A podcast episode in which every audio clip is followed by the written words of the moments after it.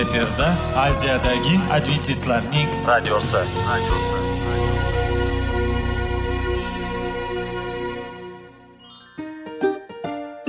assalomu alaykum aziz radio tinglovchilar sog'liq daqiqasi rubrikasiga xush kelibsiz. Zero tananing sog'lom bo'lishi va uning kasalliklardan saqlash har bir insonning burchi hisoblanadi. Inson uchun bebaho boylik bu sog'liq salomatlikdir. Uni asrash esa har birimizga omonat qilib berilgan. Shuning uchun ham inson o'z sog'lig'ini ehtiyot qilishi va ajib amallardan hisoblanadi. Dono xalqimiz sog'liq tuman boylik deb bejiz aytmagan. Aql idroq sohibi bo'lgan inson o'z hayotini qadrlashi lozim bo'ladi. Hozirgi kunda qanchalik dori darmonlar ko'paymasin tibbiy muassa sifati shifokorlar vasiyasi tibbiy texnika yaxshilanmasin. Agar insonning o'z salomatligi haqida qayg'urmasa kutilgan natijaga erishib bo'lmaydi va biz sizlarga bizning dasturimizga xush kelibsiz deymiz.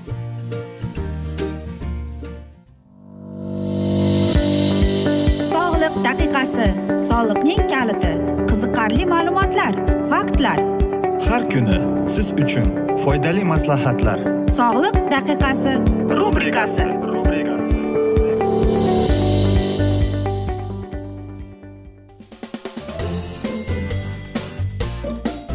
assalomu alaykum. Aziz radio tinglovchilar dasturimizga xush kelibsiz va biz sizlar bilan sog'lom ovqat degan dasturda xushvaqt bo'ling deb aytamiz. Va bugungi bizning dasturimizning mavzusi o'rik deb ataladi. Nega biz o'rikni iste'mol qilishimiz kerak? O'rik o'zi qanday kasalliklarda yordam beradi? Va nega aynan o'rik? Qarangki o'rikni o'zi yangilanish mevasi deb atalar ekan. Ya'ni siz o'rikni iste'mol qilganingizda sizning tanangiz sizning ichki a'zolaringiz yangilanib qolar ekan. Chunki u aminokislotalarga boy va tissetsin glyukonatga boy ekan. Yana minerallarga boy bo'lar ekan. Bioaktiv e, selenga magniyga boy bo'lar ekan. Undan tashqari deyiladi e, bu quyosh mevasi deydi. Qirqta foydali mikroelementlar bilan boyitilgan ekan. Xo'sh ular deydi bir biri bilan bog'liq. Masalan kafatorniy. Ya'ni e, biz o'zimizni mana shu o'rikni iste'mol qilganimizda umuman mana shu o'rikda shunday bir fitokimyoviy unsul bor ekanki unda bizning organizmimizdagi e, bor mana shunday axlat desak ham bo'ladi chiqarib tashlaydi ekan. Ya'ni saraton kasalligiga keltiruvchi omillardan xalos qilishga yordam berar ekan o'rik. Yana o'rik e, bizga vitamin b o'n ikkini E, o'zlashtirishga yordam beradi. Ya'ni bizning ichak e, mana oshqozonimizdagi bo'lgan kerak emas foydasiz e, mikroelementlardan xalos bo'lishimizga yordam berar ekan. Lekin bu o'rikning ustidagi po'stlog'ida esa shunday bir ferment bor ekanki bizning dnkmizni himoya qilar ekan. Agar siz to'liq pishgan mana shu o'rikni iste'mol qilganingizda va mana shu o'rikning aytaylik mazzasi bilan lazzatlanib iste'mol qilayotganingizda u sizning tanangizni ichingizda. Mana shu kerak emas zararli sizga kerak emas e, griboklardan xalos qilishga yordam berar ekan. Bu e, o'rikning yumshoqligi e, bizdagi oshqozonimizdagi amiak bo'lishiga ya'ni gaz to'planib qolganda va bizdagi aytaylik tishimiz nega og'riydi? Chunki bizning mana shu oshqozonimizdagi bo'lgan amiak borligiga va o'rikni siz iste'mol qilganingizda mana shunday kasalliklardan siz o'zingizni e, himoya qilgan bo'lar ekansiz. Yana o'rik bu isituvchi ovqat hisoblanar ekan. Bizni energiya bilan ta'minlaydi ekan va qarangki bizni yuragimizni e, va miyamizni kerakli fitoelementlar bilan bog'lanib turar ekan. Agar siz o'zingizda kuchsizlikni sezsangiz va albatta siz darrov o'rikka mana shunday qilib yordam so'rab unga murojaat etsangiz bo'lar ekan va u sizni hayotga qaytarar ekan deydi. Umuman o'rikni qanday kasalliklarda iste'mol qilsa bo'ladi degan savol keladi. Ko'proq o'rik iste'mol qiling deymiz. Qanchalik e, siz harakat qilmang bir kunda besh olti dona dona bo'lsa ham iste'mol qilishga harakat qiling. Chunki u oshqozon kasalligini saraton kasalligini e, bursit kasalligi selyakiya va laym kasalligi e, mana yuzida toshgan ugrilarga anemiyaga va qarangki arterial gipertoneziyaga astmaga artrit depressiya va bilasizmi bir kasallik bor doimo charchoq o'zingizni his qilasiz. Fibromialgiya kandinosga yordam berar ekan taxikardiya reyna sindromiga gipoklikemiya gipoklikemiyaning yana bir turiga va diabet Э, sizdagi bo'lgan э, mana shu kerak emas э, amiakdan ham xalos qilar ekan. Xo'sh qanchalik siz o'zingizni mm, mana shu o'rikni iste'mol qilsangiz siz o'zingizda mana shunday kasalliklarni oldini olgan bo'lasiz. Xo'sh qanday qilib biz o'zimizni mana shu o'rikni iste'mol qilishga o'rgatishimiz kerak? Agar sizda ko'proq e, tishingiz mulklari og'risa siz e, nafas olishda qiynalsangiz yoki siz juda ko'p terlaysiz yoki aytaylik sizning tanangizda og'riqlar bor va albatta siz ko'p ovqat iste'mol qilgingiz kelyapti. Bosh og'riqlari kuch yo'qligi va albatta siz agar o'zingizda mana shunday tana vazn olishga qobiliyatingizni bilgan bo'lsangiz agar sizda ortiqcha vazn paydo bo'lgan bo'lsa o'rikni iste'mol qiling deb aytamiz. Chunki e, bu o'rik bizning yuragimiz bilan bog'liq ekan. U bizga e, yuraklarimizni ochishga bizning yuraklarimizni e, yanada yaxshiroq qilishga yordam berar ekan. Bu meva bizni tinchlantirar ekan va bizni aziz do'stlar qarangki e, shunchalik bu o'rik bizni himoya qilar ekanki biz yuqorida aytib o'tgandek bizni dnkmizni yordam berar ekan. Va albatta sizlarga maslahatimiz eng yaxshisi o'rikni e, soat uchdan keyin iste'mol qilganingiz yaxshi. Va albatta o'rikni beshta oltita dona iste'mol qilishingiz kerak kuniga hech bo'lmasam. Aziz do'stlar bilasizmi biz esa bugungi mana shunday asnoda dasturimizni yakunlab qolamiz. Chunki vaqt birozgina chetlatilgan lekin o'rikni pishiqchilik paytida iste'mol qilishga harakat qiling. Hech bo'lmasa beshta oltita dona iste'mol qilsangiz siz o'zingizni e, mana shunday kasalliklarni oldini olgan bo'lasiz. Biz esa mana shunday asnoda sizlar bilan xayrlashib qolamiz chunki vaqt birozgina chetlatilgan. Lekin keyingi dasturlarda albatta mana shunday mavzularni yana o'qib eshittiramiz. Va agar sizlarda savollar tug'ilgan bo'lsa biz sizlarni salomat klub internet saytimizga taklif qilib qolamiz yoki whatsapp raqamimizga murojaat etsangiz bo'ladi. Plyus bir uch yuz bir yetti yuz oltmish oltmish yetmish. Yana bir bor qaytarib o'taman. Plyus bir uch yuz bir yetti yuz oltmish oltmish yetmish. Yodlab qolsangiz yoki yozib olsangiz bo'ladi va bemalol bizga murojaat etsangiz biz sizni qiziqtirayotgan barcha savollaringizga javob beramiz deymiz. Va men umid qilamanki bizni tark etmaysiz deb chunki oldinda bundanda qiziq bundanda foydali dasturlar sizlarni kutib kelmoqda. Biz esa sizlarga va oilangizga sog'lik salomatlik tilab o'zingizni va yaqinlaringizni ehtiyot qiling deb yuzingizdan tabassum hech ham ayrimasin deb xayrlashib qolamiz.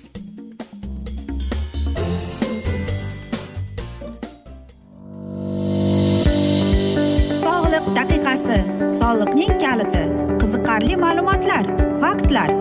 Har kuni siz uchun foydali maslahatlar. Sog'liq daqiqasi rubrikasi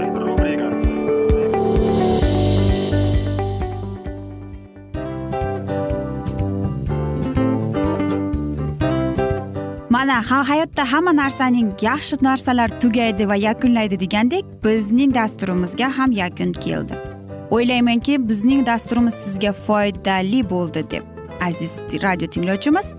Va siz o'zingiz uchun kerakli xulosalar kerakli maslahatlar olib oldingiz. Aziz radio tinglovchimiz biz bilan qoling va keyingi dasturlarimiz albatta undanda qiziqroq bo'ladi.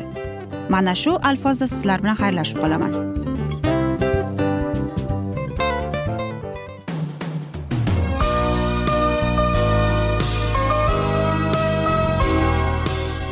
Efirda aziyadagi adventistlarning radiosi.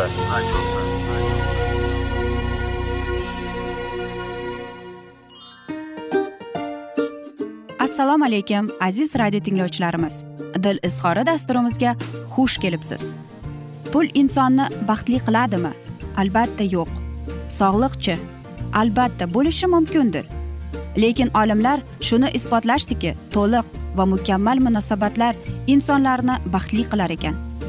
Albatta biz hayot davomida biz yaqin insonlar bilan odamlar bilan aloqada bo'lamiz va ular bilan munosabatlarimiz qanday kechadi qanday tuziladi?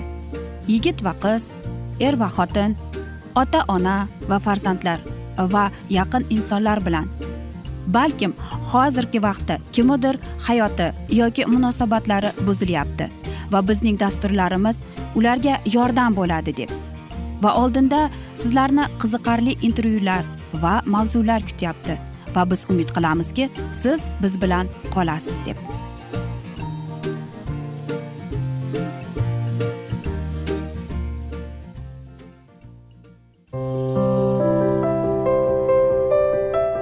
Har kuni har xil kasbdagi odamlar bilan sirlashish va bo'lishish sevgi rashq munosabat. Bularni hammasi dil izhori rubrikasida.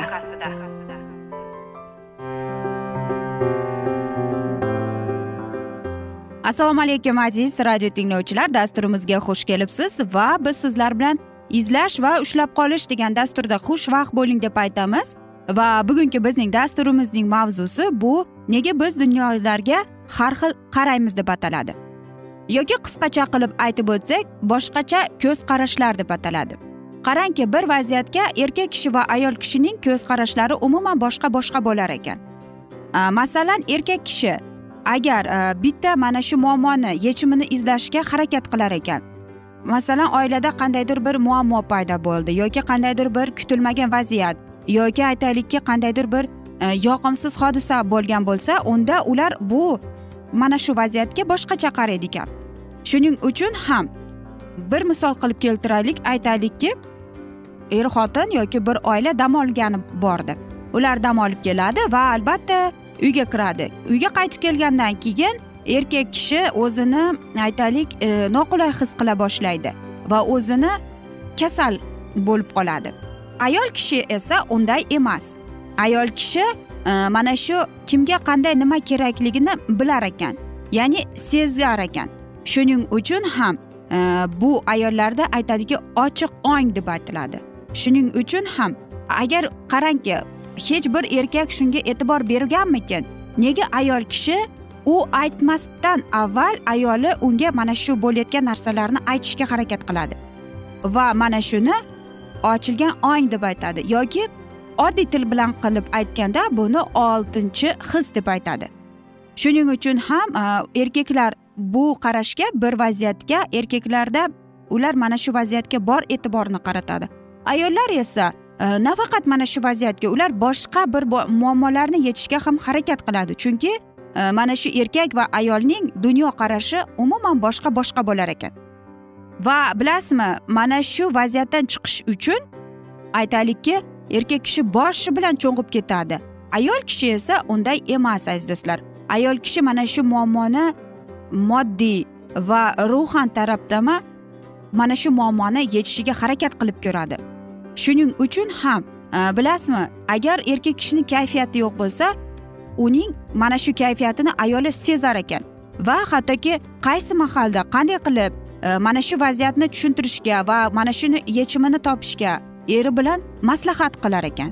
Shuning uchun ham Э, biz dunyoga boshqacha qaraymiz ekan. Nafaqat erkaklar balki ayollar ham. Chunki ayollarda aytganimdek ochiq ongi bor. Shuning uchun ham e, bizda bir muammo bo'lganda bir vaziyatga boshqa boshqa qarashlar bo'ladi. Va biz sizlarga aytganimizdek erkak bu vaziyatni yechimini topish uchun e, mana shu vaziyatga boshi bilan cho'ng'ib ketadi. Va albatta u asabiy bo'lib qoladi yoki mm, kayfiyati yo'q bo'lib qoladi. Ayol esa Э, mana shu vaziyatni boshqacha ko'z bilan qarab uni ijobiy taraflama qaraydi. Shuning uchun ham erkak kishi tushunmaydi. Nega mana shu ayol e, mana shu narsani mana vaziyat bo'lyapti nega bu shunday o'zini tutyapti nega men o'zimni mana shu vaziyatni yechishimini topish uchun shuncha harakat qilyapmanu? Lekin ayolim unday bo'lmayapti. Uning munosabati umuman boshqacha yoki e, ba'zi bir erkaklardan eshitsak bo'ladiki mening ayolim umuman mana shu vaziyatga e'tiborini qaratmayapti deb. Aziz do'stlar buning sababi oddiy. Biz yuqorida aytganimizdek biz boshqa boshqacha qaraymiz. Yoki qarangki erkaklar mana shu vaziyatni yechaman deb yechimini topaman deb ba'zida e, muhim e, vazifalarini esidan chiqarib qo'yadi. Ya'ni qanday? Ular aytaylik bee'tibor bo'lib qoladi. Va mana shunda agar ayoli e, mana siz e, bee'tibor bo'lib qoldingiz nega bunday deganda u aytadiki kechirasan men vaqt qanday o'tib ketganini bilmay qolibman. Va unda albatta mana shu so'zlarni aytganda u o'zini aybdor his qilar ekan. Shuning uchun ham e, biz boshqacha qaraymiz. E, shuning yechimini topish uchun psixologlarning aytishicha ular bir biri bilan maslahat qilib gaplashib ochiq oydin meni mana shu narsa xavotirga solyapti yoki masalan bu meni bezovta qilyapti qanday qilib yechimini topsak bo'ladi deb oila albatta E, yechimini topishga harakat qilib suhbat qilish kerak deyiladi. E, shuning uchun ham aytadiku e, bejiz aytilmagan erkaklar marsdan ayollar veneradan deb. Biz boshqa boshqa sayyoradamiz aziz do'stlar. Shuning uchun ham bir vaziyatda nafaqat erkak kishi balki ayol kishining ham mana shu hissasi bor. Agar sizlarda qandaydir kutilmagan vaziyat bo'lib qolgan bo'lsa Э, bir biringiz bilan o'tirib gaplashib bir piyola choyning ustida suhbat qilib qanday qilib mana shu vaziyatning yechimini topsak ekan deb o'ylanib yechimlarini bir biringizga aytib va mana shundagina e, sizlar e, bu vaziyatning yechimini topasiz deyiladi. Va agar sizlarning o'rtangizda albatta hech qanday sir yoki siz do'st bo'lsangiz ham hattoki turmush o'rtog'ingiz bilan siz turmush qurgan bo'lsangiz lekin birinchi o'rinda psixologlar aytadiki siz do'st bo'lishingiz kerak. Chunki do'stingiz bilan qanday bo'lishsangiz o'zingizning turmush o'rtog'ingiz bilan ham siz bo'lishingiz kerak ekan mana shu munosabat ya'ni mana shu vaziyatning yechimini topish uchun. Va unutmang aziz do'stlar biz ayollar va erkaklar e, bu bir vaziyatga bir qandaydir hodisaga boshqacha nazar bilan qaraymiz.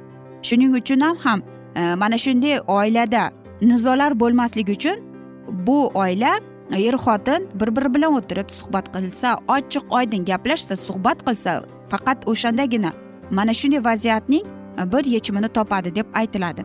Aziz do'stlar biz esa mana shunday asnoda afsuski bugungi dasturimizni yakunlab qolamiz chunki vaqt birozgina chetlatilgan lekin keyingi dasturlarda albatta mana shu mavzuni yana o'qib eshittiramiz.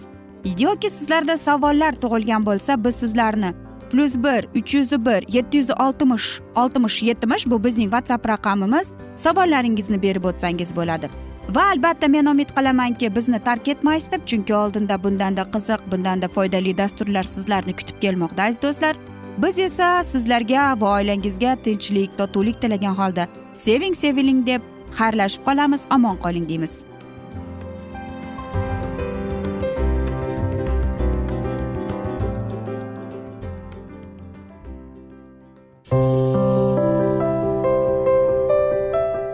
Har kuni har xil kasbdagi odamlar bilan sirlashish va bo'lishish sevgi rashq munosabat bularni hammasi dil izhori rubrikasida.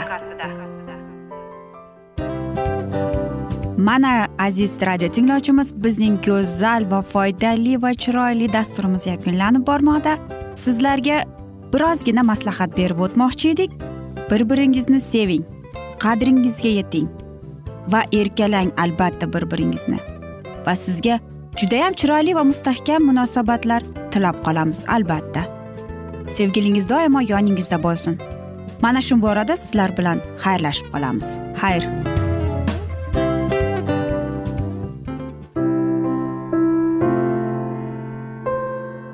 Hayotning noni. Qiziqtirgan savollar va javoblar. Buning hammasi ko'ngil uchun oziqa rubrikasida.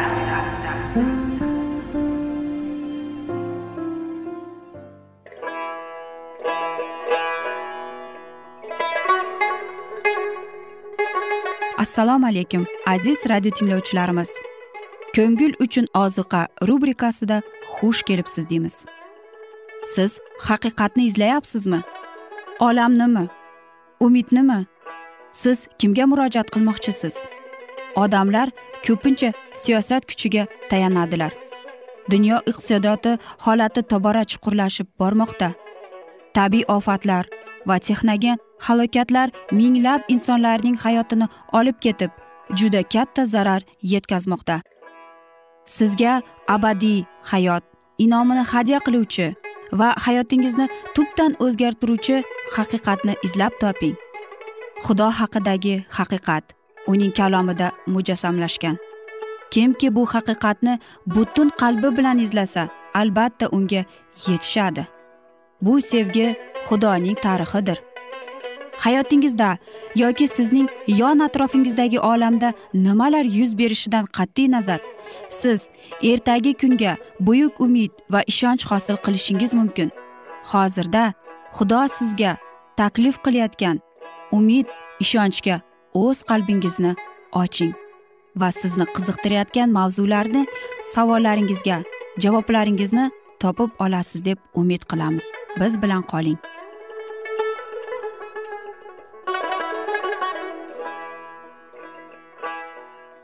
Assalomu alaykum aziz radio tinglovchilar. Dasturimizga xush kelibsiz.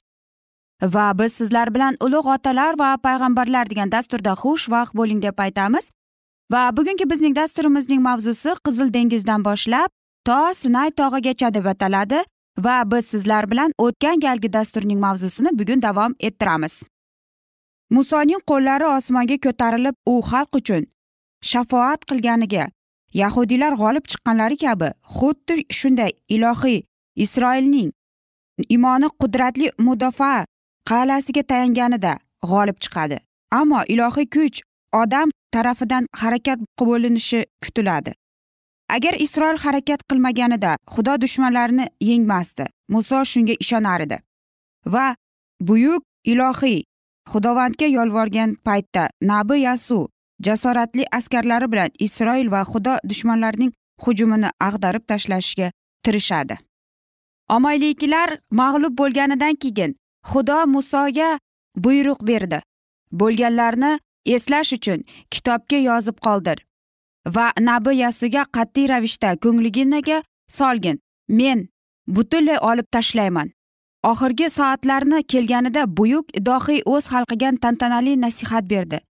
Sizlar misrdan qaytganlaringizni yo'lingda senga omolek nima qilganingni tolganingda sening orqangda qolgan ijozi ojizlarni o'ldirganingni unutma. Xudodan qo'rqmadi u omolek xotirini osmonni falak ostidan olib tashla unutma. Ushbu betafiq xalq to'g'risida xudovand uning qo'li xudovandning taxtida xudovanddan avloddan avlodga omalikka qarshi kurash.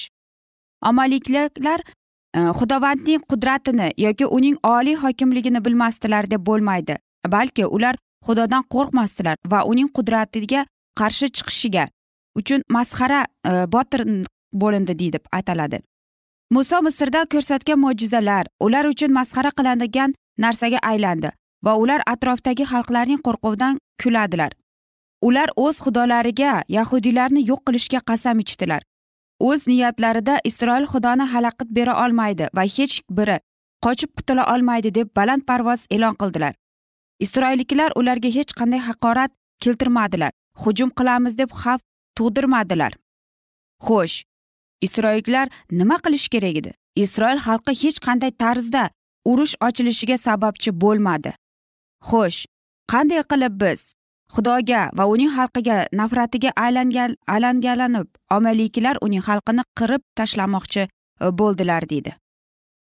Omaliklar o'z gunohlarini balandparvozligidan uzoq vaqt rohatlanmadilar. Ularning jinoyatlari tufayli xudovandga faryod ko'tariladi ammo o'z mehr shafqatligida parvardigor ularni tavbaga da'vat etardi. Lekin omalek odamlari qotib horib yordamsiz qolgan insonlarga hujum qilganida bu xalqning taqdiri aniqlanadi. Xudoning eng ojiz bandalari uning g'amxo'rligidan mahrum bo'lmaydilar. Ularga nisbatan qilingan na bir shafqatsiz harakat yoki zo'ravonlik osmon nazridan bilinmay qolmaydi. Hamma xudoni sevadigan va qo'rqqanligidan ustiga qalqon bo'lib uning qo'li cho'zilmoqda. Shuning uchun odamlar ushbu qulga urishga ehtiyot bo'lsinlar chunki uning qo'lida adolat qilichidir. Isroilliklar joylashgan manzildan yaqin masofada musoning qaynatasi yotur yashardi. U yahudiylarning ozod bo'lganini eshitgach ularni qo'rqqani ko'rgani va musoga xotinini va ikki farzandini qaytarib berish uchun yo'l oldi. Buyuk dohiy ularning yaqinlashayotganini bilgach quvonib peshvoz chiqdi va salomlashgandan keyin o'z chodiriga olib kirdi. Isroil xalqini misr yeridan olib chiqqanida muso xavflarga duchor bo'lgani sababli o'z oilasini qaynotasiga yuborgan edi.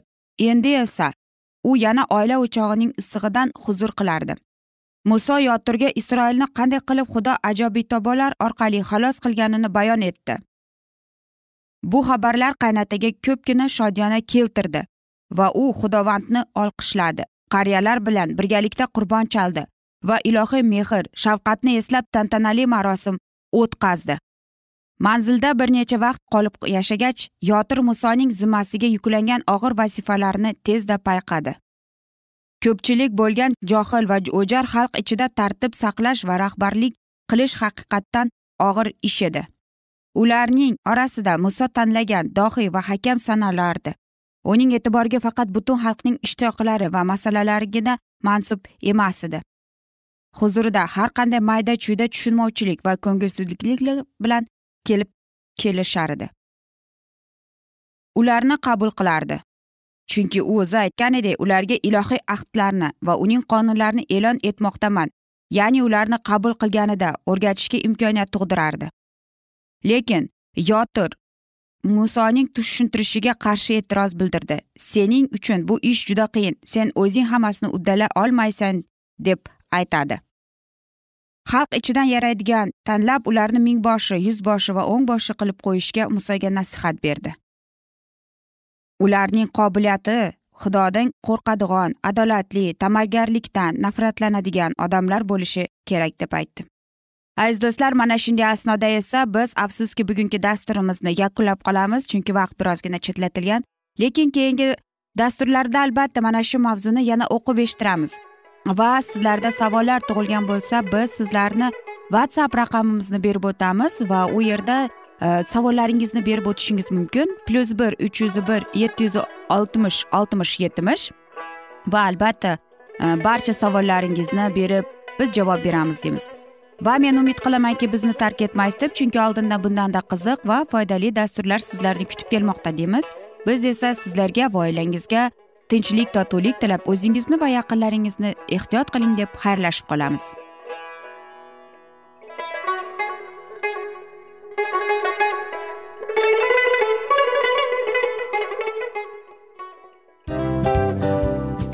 Narsaning yakuni bo'ladi degandek afsuski bizning ham dasturlarimiz yakunlanib qolyapti. Va biz o'ylaymizki bizning dasturimizdan o'zingiz uchun kerakli va foydali maslahatlar olib oldingiz. Sog'liq borasida sizga foydali maslahat berganmiz deb umid qilaman albatta.